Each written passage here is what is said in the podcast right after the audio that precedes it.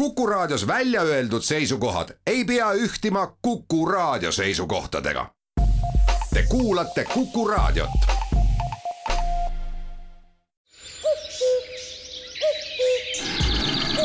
käopesa, räägime linnast, linnastumisest ja linlasest koos Ignar Fjukiga. tere, eetris on saade Käopesa ehk semantilisest linnast kui veidigi linnas ringi vaadata, siis selgub, et ehitamisest lõviosa toimub eraarendajate initsiatiivil ning vastavalt nende koostatud detailplaneeringutele. kui välja arvata oma krundile rajatavad kommunikatsioonid ja teinekord ka selle vahetuses läheduses asuvate välisvõrkude osaline uuendamine, siis üldjuhul oma kinnistule elamute püstitamisega piirkonna väljaehitamine ka piirdub. rajamata jäävad nii linna või piirkonna kui terviku huve silmas pidavad sotsiaalinfrastruktuuri objektid nagu koolid, lasteaiad, ehitamata jäävad insenervõrgud kui ka liiklustaristu, teed, tunnelid, ühistranspordirajatised. Need jäävad kohustuseks linnale sageli aastakümneteks. nii võimegi väita, et linna arendamine ja kasv toimub ilma selge strateegia ja ajalise kavata, projektipõhiselt. Täna räägime linnast arendaja pilgu läbi mina olen arhitekt Ignar Fjuk, tere tulemast saatesse, Urmas Sõõrumaa. tere, tere. käopesa. hüva, eelnevalt mainitud projektipõhisus avaldab muide ka linnaettevõtmis, ettevõtmistes avaliku infrastruktuuri objektide nimikiri, nimekiri määratakse kindlaks eelarveaasta raames, kusjuures paljudel juhtudel vaid reaktsioonina arendajate soovidele oma arenguplaane realiseerida. muidugi teatud juhtudel ulatub planeerimine ka kahe või kolme aasta tagusesse või etteulatuvasse aega, kuid see on siiski pigem erand. Seega võib väita, et linna arenguvõtmed on arendajate, mitte linnavalitsuse käes. Urmas, kas ongi nii, et linna arendamisel on jäme ots arendajate ehk ka sinu käes, mitte linna käes. jah, ütleme üldsegi mitte, ma kuulasin seda sissejuhatust ja üks jäi mulle kohe kõrvu, et äh, linna areng käib nagu eraarendajate siis koostatud detailplaneeringute järgi, et äh, noh, eks see jämedam ots on, on ikkagi linna käes ja loomulikult kõiksugused inimlikud mõjud siin äh, mõjutavad seda, aga noh, ma kirjutasin siia ka endale kohe ühe, ühe niisuguse sõna, et see saab olla ainult koostöö. et äh, eraarendajad, äh, ma ei tea, mina räägin küll seda, mida ma ise näen, aga ma väga-väga ootan rohkem koostööd, rohkem ühistööd, et äh, et uskuge, eraarendaja ei taha ei äh, ei elada ega, ega olla kuskil äh, autoparklas ega, ega veel enam kuskil näha mingeid oma silmaga oma arenduste keskel mingisuguseid ummikuid ja nii edasi. et üldjuhul on see nagunii, et inimesed on üldjuhul äh, üldjuhul niisugused tahavad ilusat asja näha ja ilu suhtes on meil ka ju suht kohta vist enam-vähem samasugused arusaamad, aga miskipärast need asjad ei taha välja tulla ja siis me kõik püüame nuputada. on see siis mingi otsustamise eh, või juhtimise niisugune struktuur, mis formub siin kolme-nelja aasta kaupa ja, ja siis ei saagi nagu pikemaid otsuseid teha või on need inimlikud äh, selles mõttes niisugused trotsid, et kui kui teie noh, seal teenite palju raha ja arvate nii, siis ma põhimõtteliselt arvan teistmoodi, noh. et noh, kõik niisugused asjad, et proovi siis ära arvata, koostöö. jaa, koostöö on absoluutselt õige sõna mm, -hmm. aga see koostöö tähendab ikkagi seda, et kõikide asjade algataja mis puudutab linna äärealasid, neid arendusalasid, on ikkagi eraettevõtja huvi midagi korda saata ja loomulikult selle planeeringu menetlemine ja, ja mõtestamine toimub koostöös linnaga, aga kui me vaatame, mismoodi on arendused meie äärealadel toimunud, siis me leiame, et tõesti, siin on tuhatkond korterit, seal on tuhatkond korterit, aga puudub mugav ja kesklinnaga ühendav ühistranspordisüsteem. puuduvad korralikult rajatud ristmikud, kus vaja, peaks olema rajatud tunnelid kõik see ju puudub, puudub vajalik infrastruktuur, sotsiaalinfra, välisvõrgud, Tallinnas on piirkondi, kus ei saa enam ühtegi ruutmeetrit elamispinda juurde lisada, sellepärast et nii kanalisatsioonisüsteemid kui soojasüsteemid on täispingel, täistuuridel töötavad, aga kui arendus toimub eraarendajate kinnistute kaupa, siis linn ei suuda sellele kõigele järge tulla. Ja seetõttu see ühe arenduse ja, ja selle vahel, mida oleks vaja avaliku infraga teha, suureneb ja, ja tulemus ongi see, et kõik sõidavad oma isikliku sõiduautoga. kui sa tahad kuskilt sealt Haaberstist saada lähimasse kahe kilomeetri kaugusele, sinna ei lähe ükski buss. sa pead oma isikliku autoga viima lapsed lasteaeda, ise kooli minema ja nii edasi. nii et see ongi see, millest rääkida, et me ei ole suutnud linna juhtida selliselt, et koos elamualadega tekiks ka vastav linna infrastruktuur. jah, täpselt ta nii ongi, et võtmesõna on infrastruktuur ja kõik muu saab ju selle, selle järgi käia, niisugune laiem, laiem planeering, kust lähevad teed, kust lähevad kommunikatsioonid, ütleme, kui ma toon siin lihtsalt ühe näite kaheksakümnendate lõpust. noh, minu, minu, meie vanused seda mäletavad, kõik paraku enam, enam nagu mitte, aga ma elan seal maal Kernu lähedal ja ütleme, kaheksakümnendate lõpul tundus nagu täitsa lootusetu, et kuidas need maakohad üldse nagu, nagu nüüd nagu üldse, üldsegi ellu jäävad. ja siis tehti mm, umbes sealt, kus on mina sündinud, kasvanud, sealt äh, umbes viie poole kilomeetri kaugusel tehti Kernu bensujaam. Bensiinijaam tehti ööpäevaringselt töötavaks, toidupood, sai bensiini, kohvi ja kõik. nii, ja enne imet umbes kümne kilomeetri raadiuses sealt bensiinijaamast hakkasid äkki nagu imeväel korda saama vanud talukohad, suvilad, asjad ja lihtsalt rohkem ei olegi tihtipeale vaja. ehk mis ma sellega tahan öelda, ehk avalik sektor peaks väga selgelt näitama, kust tulevad teed, tunnelid, võima-, kus liiklusskeemid, kanalisatsioonid, võib-olla ka tulevikus siis ütleme noh, koolid, asjad, kõik niisugune, niisugune sotsiaalne ja sotsiaalne arusaam ja niisugune infrastruktuur, ülejäänud tekib ise sul ei olegi vaja midagi, midagi muud seal seda teha, aga, aga selleks, et kust tulevad teed, siis seda pead ikkagi noh, vähemalt sada aastat ette vaatama, no mitte vähem. praegu räägitakse hästi palju kiiresti internetist, et juhul, kui see tekib, siis inimesed ei pea enam tulema suurtesse linnadesse elama, Tallinnasse, vaid nad saavad kuskil kaugel oma tööd teha, kodukontorist või väikestes asulates, kus tekiks ka töökohad, samamoodi maanteeühendus palju on räägitud Tallinn-Tartu maanteest, et kui see tekiks, siis oleks Lõuna-Eesti ja Tallinna ühendus palju parem, inimesed peaks tulema Põhja-Eestisse elama. aga nüüd seoses selle mainitud teemaga, millest me rääkisime, et linn ei tule nagu kaasa või järele infra ehitamisel, siis ütleme, mujal maailmas on sellega seoses juba ammu tehtud teatud muudatused planeerimises. meil siis tähendaks see seda, et linnaosade üldplaneeringutes siduda kõik suuremad arendused vastava infra väljaehitamisega linna poolt, kui linn selle planeeringu juba kehtestab, siis ta ju võtab teadmiseks, et seal on vaja inimestele anda mugav linn, mugav ühendus keskusega, mugavad kommunikatsioonid.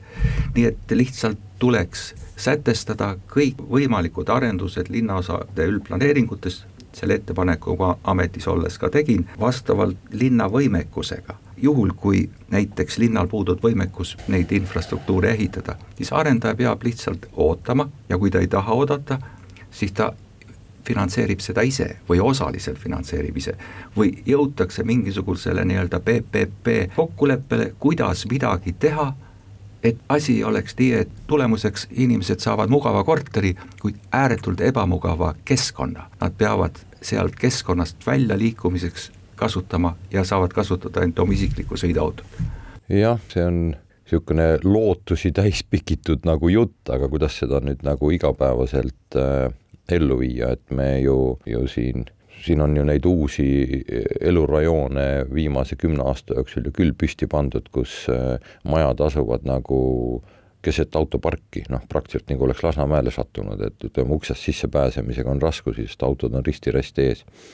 et, äh, et ja noh, see on, äh, see on nagu vastuolusid täis selline, selline planeering ja, ja noh, mina mina nüüd eraarendajana küll ootaks, ma tahaks nagu igas aspektis, noh, kõigepealt loomulikult ütleme, et infrastruktuur oleks pika perspektiiviga paika pandud ja ja siis tõepoolest ütleme, et kui, kui linnal ei ole teatud sektoris vahendid, aga ta on otsustanud, et sinna kunagi see tee võiks tulla ja sinna see rajoon võiks aren-, areneda, no siis saab neid alati ju PPP variandis ka vaadata.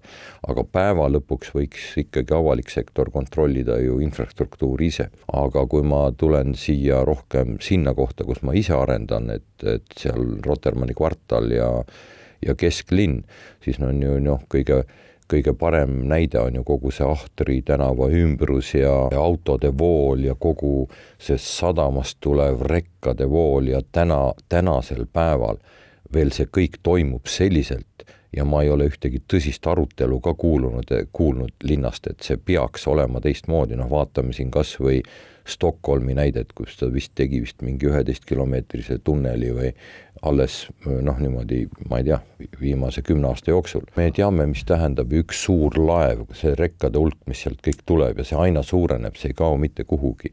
et, et see kõik peaks minema maa alla, mis ma siin tahtsin nagu rääkida ja mina seal täna arendan ja ausalt öeldes natuke noh, ma ei tea, see ei ole küll ilus sõna, aga süda tilgub verd, kui ma taon need vaiad sinna maa sisse, nägemata, et sealt maa-alustest garaažidest võiks ka tunnelisse kuskile minna ja nii edasi. ja siis ma tean, et lõpuks tulevad sellised targemad, targemad juhid või teadmised ja lõpuks see tunnel sinna tehakse, aga siis, kui juba, kui ma pean hakkama neid maal, neid käike sinna uuesti paika panema, et kus, kus saaks tunnelisse ja kus saaks maa peale välja ja nii edasi kõik. või kas või võtan Merepuiestee neli, mis on täna arendamata, planeering lubab sinna kolm korrust teha maa alla, aga noh, sa ei jõua ära oodata, millal linn saaks aru, kuidas see Merepuiestee liikumine äh, tegelikult tahaks, et linn tuleks, ütleks Urmas, et aga äkki teekski kolm korrust, nagu me siin näinud oleme, sest eraarendajal puudub isegi null huvi teha sinna kolm korrust, lihtsalt see on nii kallis. aga linnale võiks seda vaja minna, aga koos võiks selle äkki isegi rajada, et äh, mingid linna, kesklinna transport siis oleks mitte maa peal ja maa all ja inimesed võiks üldse maa peal jalgsi jalutada, aga mitte autoga sõita käopesa. Kukuga linnaruumis.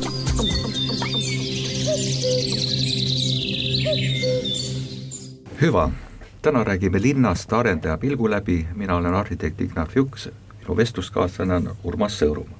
saate esimeses pooles jõudsimegi juba tasapisi ka Tallinna keskosasse ja nagu sa tead, aeg-ajalt tõstatub küsimus, kuhu me peaksime siis üldse ehitama, kas tuleks tihendada kesklinna, see on muide ka Tartu teema praegu hästi aktuaalselt, või tuleks hõivata seni hoonestamata äärealasid, mis on sinu seisukoht? noh, suures piires, eks me, eks me peame vaatama, kuidas areneb lähimaailm, noh, mis meil siit põhiliselt Skandinaaviast võib-olla vaadata on, sest äh, Skandinaavias on suht-kohta väiksed linnad ja Tallinn on väike linn.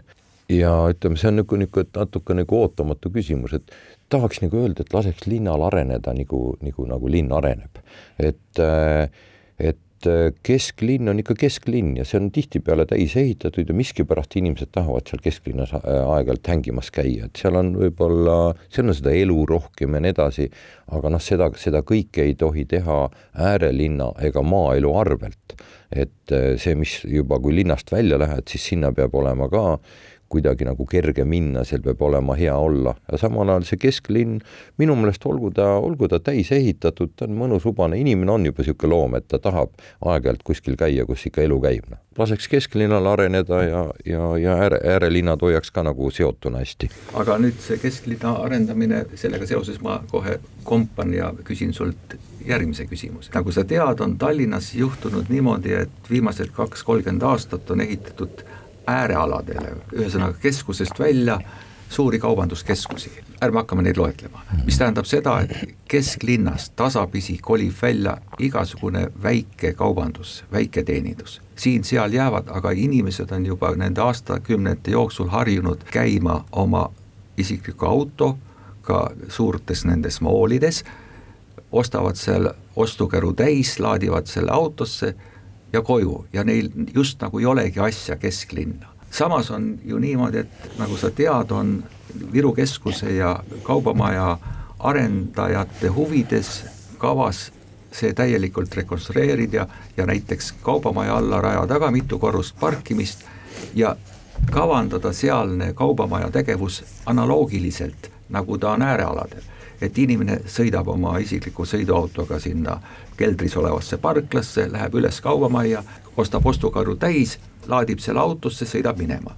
mis tähendab seda, et lisaks sellele väga jõulisele kaubandusele tuleb sinna ka kauba varustamine, jäätmekäitlus, et kas kesklinnas peaks olema sellised hulgiostukeskused või kesklinn peaks olema väikeste kaupluste teeninduspunktide päralt, et nii nagu oleme näinud ja näeme ka praegu, milline on Pariis või Salzburg või München või need linnad elavad, sest seal on planeerimise kaudu keelatud linna liiga lähedale rajada suuri kaubanduskeskusi see on lihtsalt teistsugune filosoofia linna. väga õige, väga õige, tähendab äh, oleks mina nii tagantjärgi tark kui minu ämm, nagu öeldakse, et siis ma oleks kõige targem mees maailmas. jah, et aga eks me natuke hakkasime ise ka uskuma või natuke kahjutundega vaatasime, kui need suured kaubanduskeskused arenesid. vaatame, mis tegelikult täna toimub. tähendab, äh, eelkõige vaatame meie oma, oma Bolti arengu pealt näiteks, mis on toonud meile tõesti või kogu see startup indus on toonud meile tegelikult sellise mõtlemise, et elu tegelikult kolib siia telefoni sisse, mis minu käes praegult on. et eh, noh, täna niisugune olmeelu on praktiliselt, kui sind siin ei ole, siis sind peaaegu et ei ole. ja, ja ütleme, viie-seitsme aasta pärast kui sa ikkagi prillidest või kümne aasta, kui sa ikka prillidest seda apelsini või isegi tulevast kinnisvara ei näe, siis sa seda ei viitsi ka vaatama minna. ehk mis ma tahan tegelikult öelda, et elu kesklinnast ei kao mitte kuhugi, aga minu jaoks on see juba lõppenud, ma täitsa usun, et selleks, et äh, saapaid osta, ma ei pea saabaste näitusele minema. ehk selleks, et endale leiba ja apelsini osta, ma ei pea ka nende näitusele minema, vaid äh, need tulevad usaldusväärsest allikast sulle koju või kas äh, lähen võtan ise väiksest poest, kui ma veel nagu nost-, nostalgiline olen, või tulevad nad sulle ukse taha. ehk, ehk see aeg on tegelikult möödas, et kus ma lähen mingisugusesse saja tuhandesse kaubanduskeskusesse, jalutan mööda saapa ja to toidunäitust ja siis katsun näpuga siit ja sealt ja siis võtan nüüd, vean ühe koti kaasa. ehk tegelikult see, see see elu tänu tänapäevastele vahenditele tuleb meile tegelikult lähedale ja seal need kesklinna maa-alused kohad on äh, igasuguseid pisipoode, ladusid kõiki täis, kus sul viieteist, kahekümne minuti jooksul see soovitud asi ukse taha ilmub. nii et noh, see elumall tegelikult muutub mina ise ei tahaks, et ta muutuks, sest mulle ei meeldi, põrgulikult ei meeldi, et just nagu kasutan ühe inimese teenust selleks, et enda elu kuidagi mugavamaks teha, minu meelest on see nii vahva vahel minna ja osta see ostukäru kaupa täis, nautida seda mingisugust sellist melu, mis seal on ise valida selle saia või selle leiva, millel on õige pehmus, õige koorik. räägiks sellest, millest sa juba veidi ennem puudutasid, et kui nüüd me seal kuskil Ahtri tänava kandis, Gonsiori eh, ja Laikmaa tänava, Estonia puiestee kandis tahame midagi ehitada, siis me ei saa enam loota, et maapealne transport ja liiklus kõike seda suudaks ära lahendada. ma mäletan juba eel, eelmise sajandi kaheksakümnendatel oli kindel veendumus, et tänane tee, mis sinna rajati, Lasnamäelt tuleb alla ja Reidi tee nii-öelda. Ja jõuab siis kuskil Lahtri tänava otsa ja seal lõpeb ära,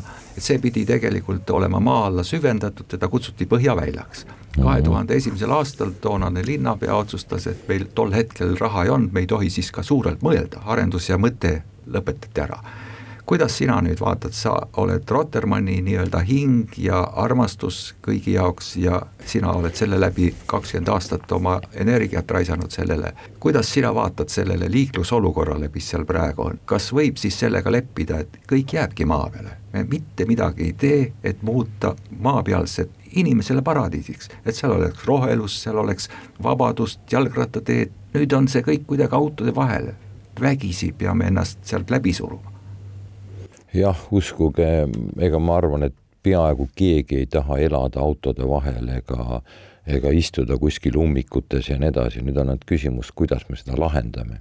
ja, ja ega teist varianti ei ole, kui, kui lihtsalt viia need autod, mis on eest ära, et, et lahendada niimoodi, ma olen, ma olen nende erinevate linnaametnikega küll ja küll vaielnud, et kust otsast nagu pihta hakata, postide ja kettide panemisega tegelikult ütleme, võid ajutiselt midagi lahendada. Ja ma olen isegi öelnud, et, et kui ma, et laske ja viime selle, selle liikluse maa alla, vaata Tallinn on niisugune lipsukujuline linn, kus kesklinnast sõidab läbi ööpäevas umbes sada kaheksakümmend tuhat autot ja vähemalt seitsekümmend, seitsekümmend viis protsenti on tegelikult, sõidab läbi.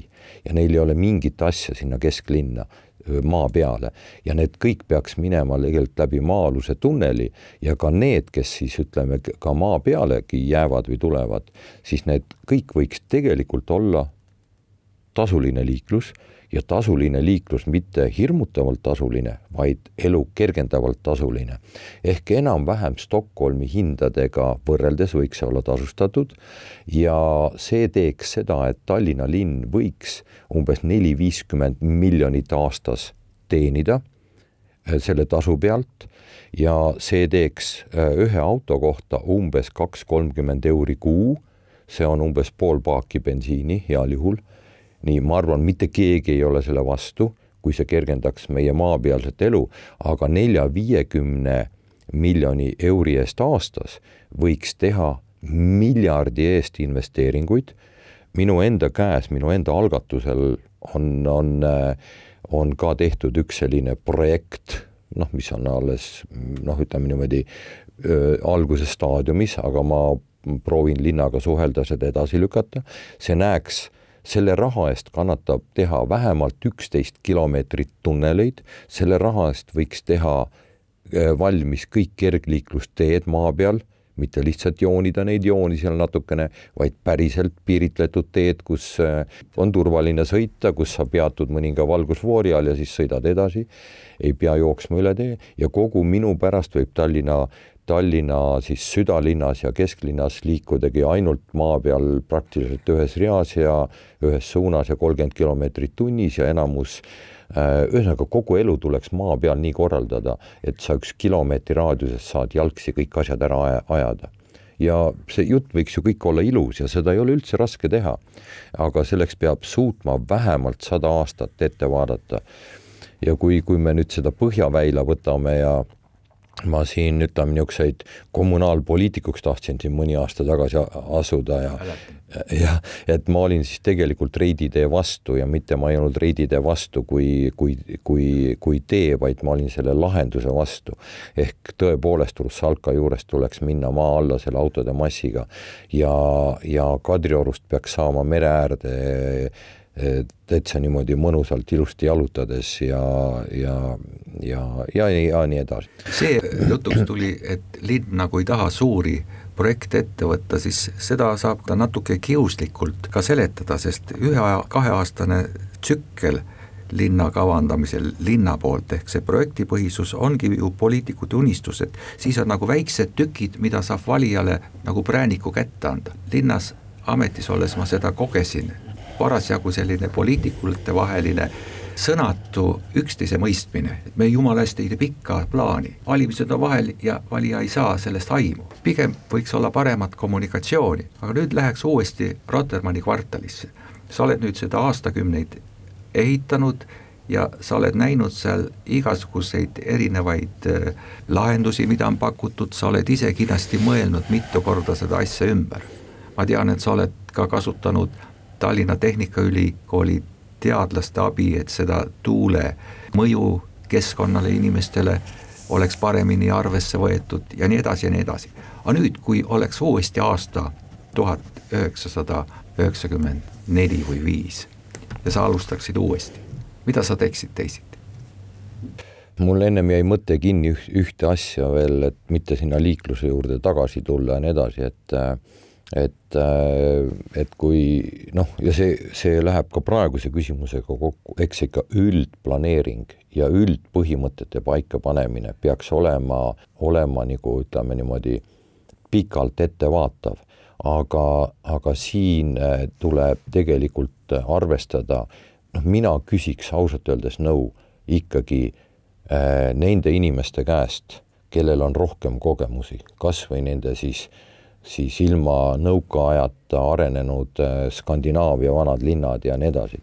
et äh, las nemad tuleks ja aitaks meil, kui me teeme omaenese tarkusest, siis me ikka jõuame varem-hiljem, et kuskile me paneme ketid ja ette ja siis meil, siis meil oma vähese elukogemusega on siis öö, äh, tarkust üksjagu, kuidas see kõik arenema peab ja nii edasi. ma toon lihtsalt öö, ühe näite, et ma olen pidanud küll ja küll inimestele ütlema, et ega ärme laseme näiteks tee, ärme teeme park, parkimise kohti, et siis nad sindinahad ei tule siia parkima. ma ütlen, minge katsetage Lasnamäel seda. ega inimesed ei osta endale autot selleks, et tal parkimiskoht on, vaid ta ostab auto, et tal on vajadus ja võimalus osta.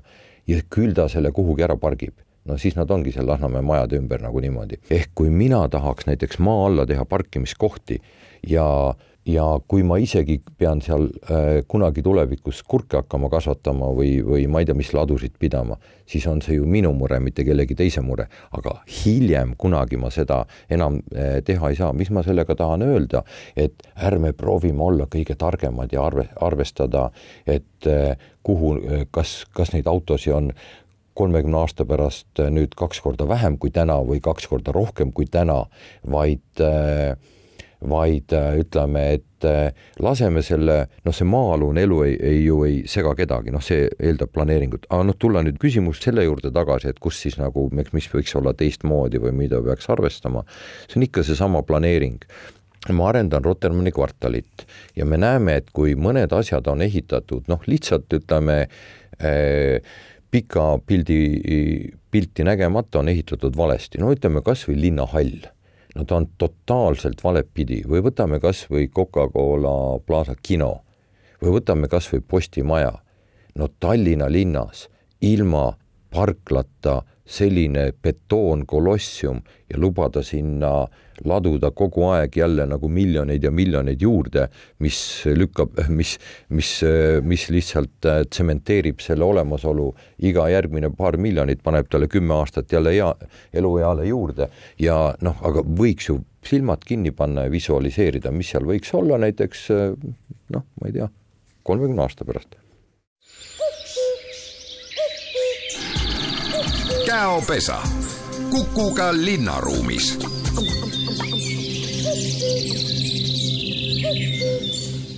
Täna räägime linnast arendaja pilgu läbi, mina olen arhitekt Ignat Fjuk, minu saatekülaline on Urmas Sõõrumaa juba läks eelmises saatelõigus asi risti-rästi eri teemadega ja sa mainisid seda retooriliselt, et no mis peaks olema linnal selle vastu, et maa alla rajatakse hästi palju parkimiskohti.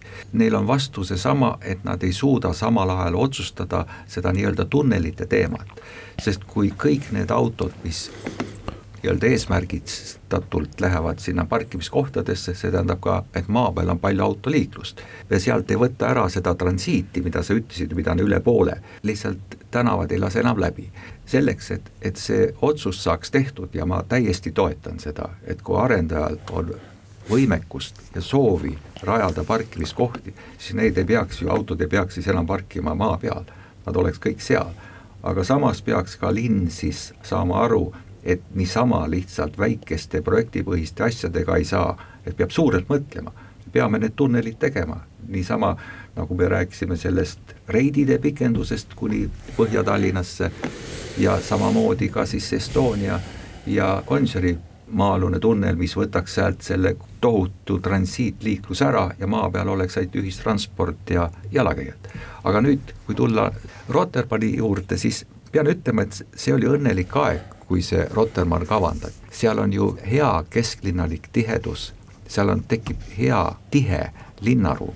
kui täna oleks see kava sinna selline planeering teha, siis ma arvan, see tiheduse näitaja oleks hoopis madalam, haljastuse nõue oleks palju suurem ja sinna ei tekiks sellist kesklinnale kohast, hubast, mõnusat linna ma mäletan, et kuni kaheksakümnenda aastani, kui ma ise sain võimaluse noorte arhitektiga teha Tallinna kesklinna detailplaneeringu alternatiivvariant, mis ka kehtestati, siis oli kavas Rotermann lammutada. sealt pidi minema läbi selle linnahalli ja Viru hotelli vaheline lai esplanaad ja meie lahenduse läbi siis see nagu sai taastatud ja kaheksakümnendatel ma juhendasin ka EKA-s paari ähm, diplomitööd, kus siis sinna kavandati selline natuke teistsugune Rotermann, seal oli äh, merepuiest äh, Viru väljaku otsast äh, Kirdesse minev äritänav, keskel oli mõeldud selline väljakukene, sina oled seda nüüd teinud ja, ja ütleme, kui olles, omades seda võimast kogemust, mis sul on ja kui sulle antakse nüüd mingisugune teine väljakutse, et sa hakkaksid näiteks algusest peale arendama neid Telliskivi loomelinnaku ala või Sossipäevaga seonduvat, mida sa siis teeksid teisiti, kui praegu tehakse? jah, kõigepealt, kõigepealt needsamad äh, parkimiskohad maa alla, ma olen jah, pidanud korduvalt tuletama ikkagi nendele otsustajatele meelde, mõnele mõjub, mõnele mitte, et saage aru, inimene ei osta autot lihtsalt sellepärast, et tal on parkimise koht ja mis see teie asi on, kui mina tahan oma raha eest ehitada maa alla parkimiskoha. et teie võite maa peale, kui teil muud tarkust ei ole, pange kett ette, et autod seal üldse ei liiguks ja mis mina maal teen, kasvatan porgandeid, kui, kui või porgandid pimedas ei kasva, aga see, aga midagi, šampinjonid kasvavad šampinjonid, no vot, see on hea mõte ja veel, veel midagi muud ka. aga mis, mis ma tahan öelda, kui ma juba korra rajan seitse korrust maa peale, siis see on mitmesajaks aastaks, nii. ja hiljem maa alla teha ei saa, et las ma teen maa alla. aga see, kas sinna maa alla minna saab või mitte, teie reguleerige maa peal. kujutapilti, nad ei, lihtsalt ei luba teha, kuna nad on praegusel aastal kaks tuhat kakskümmend, näiteks nad on, nad on nii targad, et nad teavad, kuidas järgmine sada aastat elu käib. ei tea hiljem teha ei saa. noh, teine asi on siis loomulikult ütleme, ma olen kahe käega selle poolt arendajana, et et äh, ühe kilomeetri raadiuses kesklinnas saaks kõik asjad jalgsi aetud, kooli, lasteaeda, trenni äh,, igale poole mujale või siis mööda kergliiklusteed. ja, ja lõpuks võiks lõpetada selle äh, selle lihtsalt selle jutu, et tal-, avame Tallinna merele, teha midagi konkreetselt. see on ju niisugune hale naljakas jutt, et äh, avame merele, no mida, kuskilt pole, pole näha olnudki, mida on avatud. ma tahaks veel sellest planeeringust rääkida, mina ei tea, mida meie tublid arhitektid mõtlevad, aga kui te vaatate äh, vanu tänavaid, Pikk, Lai, Vene, mis pidi nad asuvad? Ikka niipidi otsad pööravad ära, et tuuled sisse ei puhu, nii. ja siis, kui me vaatame nüüd neid tänavad, mida ma Rotermannist pean arvestama, siis kujutage ette, Rotermanni tänav, Laeva tänav on täpselt selle suunaga, kus kõige rohkem tuuled puhuvad. sealtpoolt ma pean nüüd jätma nende, nende mööda Ahtri tänavat liikuvatele autodele igasuguseid vaatekoridorile, mingisugusele vanale korstnajupile. nii, pean jätma vaateid, kes siis vaatab? Kas see liikluse ummikud on selle jaoks välja mõeldudki, et nad saaks autoaknast seal vaadata siis või? aga kui ma nüüd vaatan teistpidi ja tahan vaadata vanalinna torne, siis vaata praegu Merepuiestee neli näiteks äh, kolmkümmend tuhat ruutmeetrit, mida ei ole isegi füüsiliselt võimalik täis ehitada, on lubatud sinna täisplokid ette et sa mitte vanalinna torne ei näeks. vaat vaatekoridorid peaks hoopis niipidi olema, et kujutage ette, et ma, ma olen Rotermanni kvartalis nii päike tõuseb idast selja tagant, vanalinna tornid säravad. nii, ma tahaks sinna vaadata, loojub vanalinna tornide taha, tahaks sinnapoole vaadata, kogu elu ja loodus on niipidi.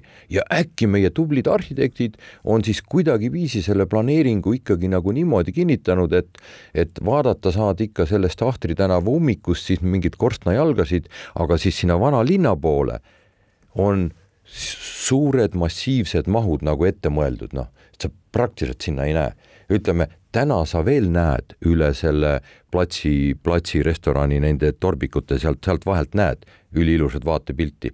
aga kui me nüüd selle valmis ehitame, kõik muud lubatud mahud ka seal, siis ei näe mitte midagi. sa tõid ette ka nagu kaks märksõna, üks, et me nagu ei ava linna ja äh, linna merele linna avamine merele ja siis meie nii-öelda üldarusaam, kui küsida tavalise inimese käest, mis see on, see tähendab, et et linna mereäär peaks olema hoonetest vaba. et seal peaks olema palju eh, nagu tühjust, aga tegelikult tähendab linna avamine merele seda, et sinna lähevad huvitavad väiksed kenad tänavad, mere äärde tekib kaldapealne äridega, kaubandusega, linna avamine merele tähendab, et, et linnal, linnaelanikul on sinna asja, mitte et seal on tühjus. Ja teine asi, see vaatekoridoride teema, no see on üks eriline, täiesti mulle arusaamatu asi. sa tuled Tallinna Sadamas A-terminalist välja ja kui sa astud uksest kolm sammu paremale ja vaatad, siis sa näed Oleviste kirikut, aga sa astud neli sammu veel edasi, siis sa enam ei näe. ühesõnaga, need on mingisugused absurdsed kitsad koridorid välja mõeldud ja mujalt, noh nagu see Porto Franco ala, see täiesti matab kõik, kogu muu vaate ära. Et mida sina selle kontekstis, kui keegi sulle ütleb, et linnas need on, meil on vaatekoridorid, et midagi näha, mis see sinu jaoks tähendab? kõigepealt see merele avamine jälle lihtsalt, et tahaks otsustajate juurde sooviks nagu, nagu inimesi, kelle, kes vaataks seda südamega ehk vaataks seda mentaalselt. merele avamine tähendab eelkõige mentaalne avamine, tähendab, kui ma seisan kesklinnas ja mõtlen mere poole, siis mul tegelikult, ma ei pea isegi sinna vaatama, ma tean oma kukla poolega, kuhu ma, kuhu ma olin, kust ma pean marssima hakkama. ehk mõnusalt promenaadid, asjad, mis lähevad lihtsalt mere poole. täna ma arvan, et arvestades neid viimase noh, nagu uue aja e eripärasi, istu, istu täna ütleme mingi, mingi siukse, ütleme niimoodi esimest korda lund nägeva Bolti takso peale ja ütle, et mere äärde. ma arvan, et äh, vanal on juhe sõlmes ja sul endal on ka, sa tegelikult ei tea, kuhu sa võiks minna. ütleme, promenaad, tõesti, nagu sa kirjeldasid, mereäärne elu, jalutamine, olemine, kõik. ja, ja seda on veel võimalik teha merepuiestee pikendusena üle selle linnahalli.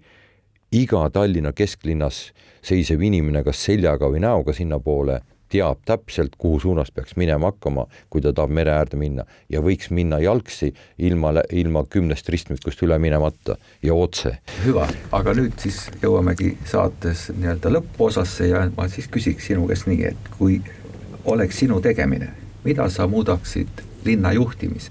ma, ma tooks äh, äh, kõigepealt ma looks selle kogu linna planeerimise äh, ümber kutsuks sinna mm, eh, ütleme niimoodi, suuremat pilti äh, nägevad inimesed ja lausa püstitaks eesmärgi, et me peame visualiseerima, kuidas, kuidas näeb Äh, elu välja saja aasta pärast ja mitte ainult omast endast tarkusest, vaid kindlasti kutsuks sinna ka neid inimesi, kes on juba sel-, neid selliste asjade peale mõelnud viimased viiskümmend aastat ja omavad vastavat elukogemust.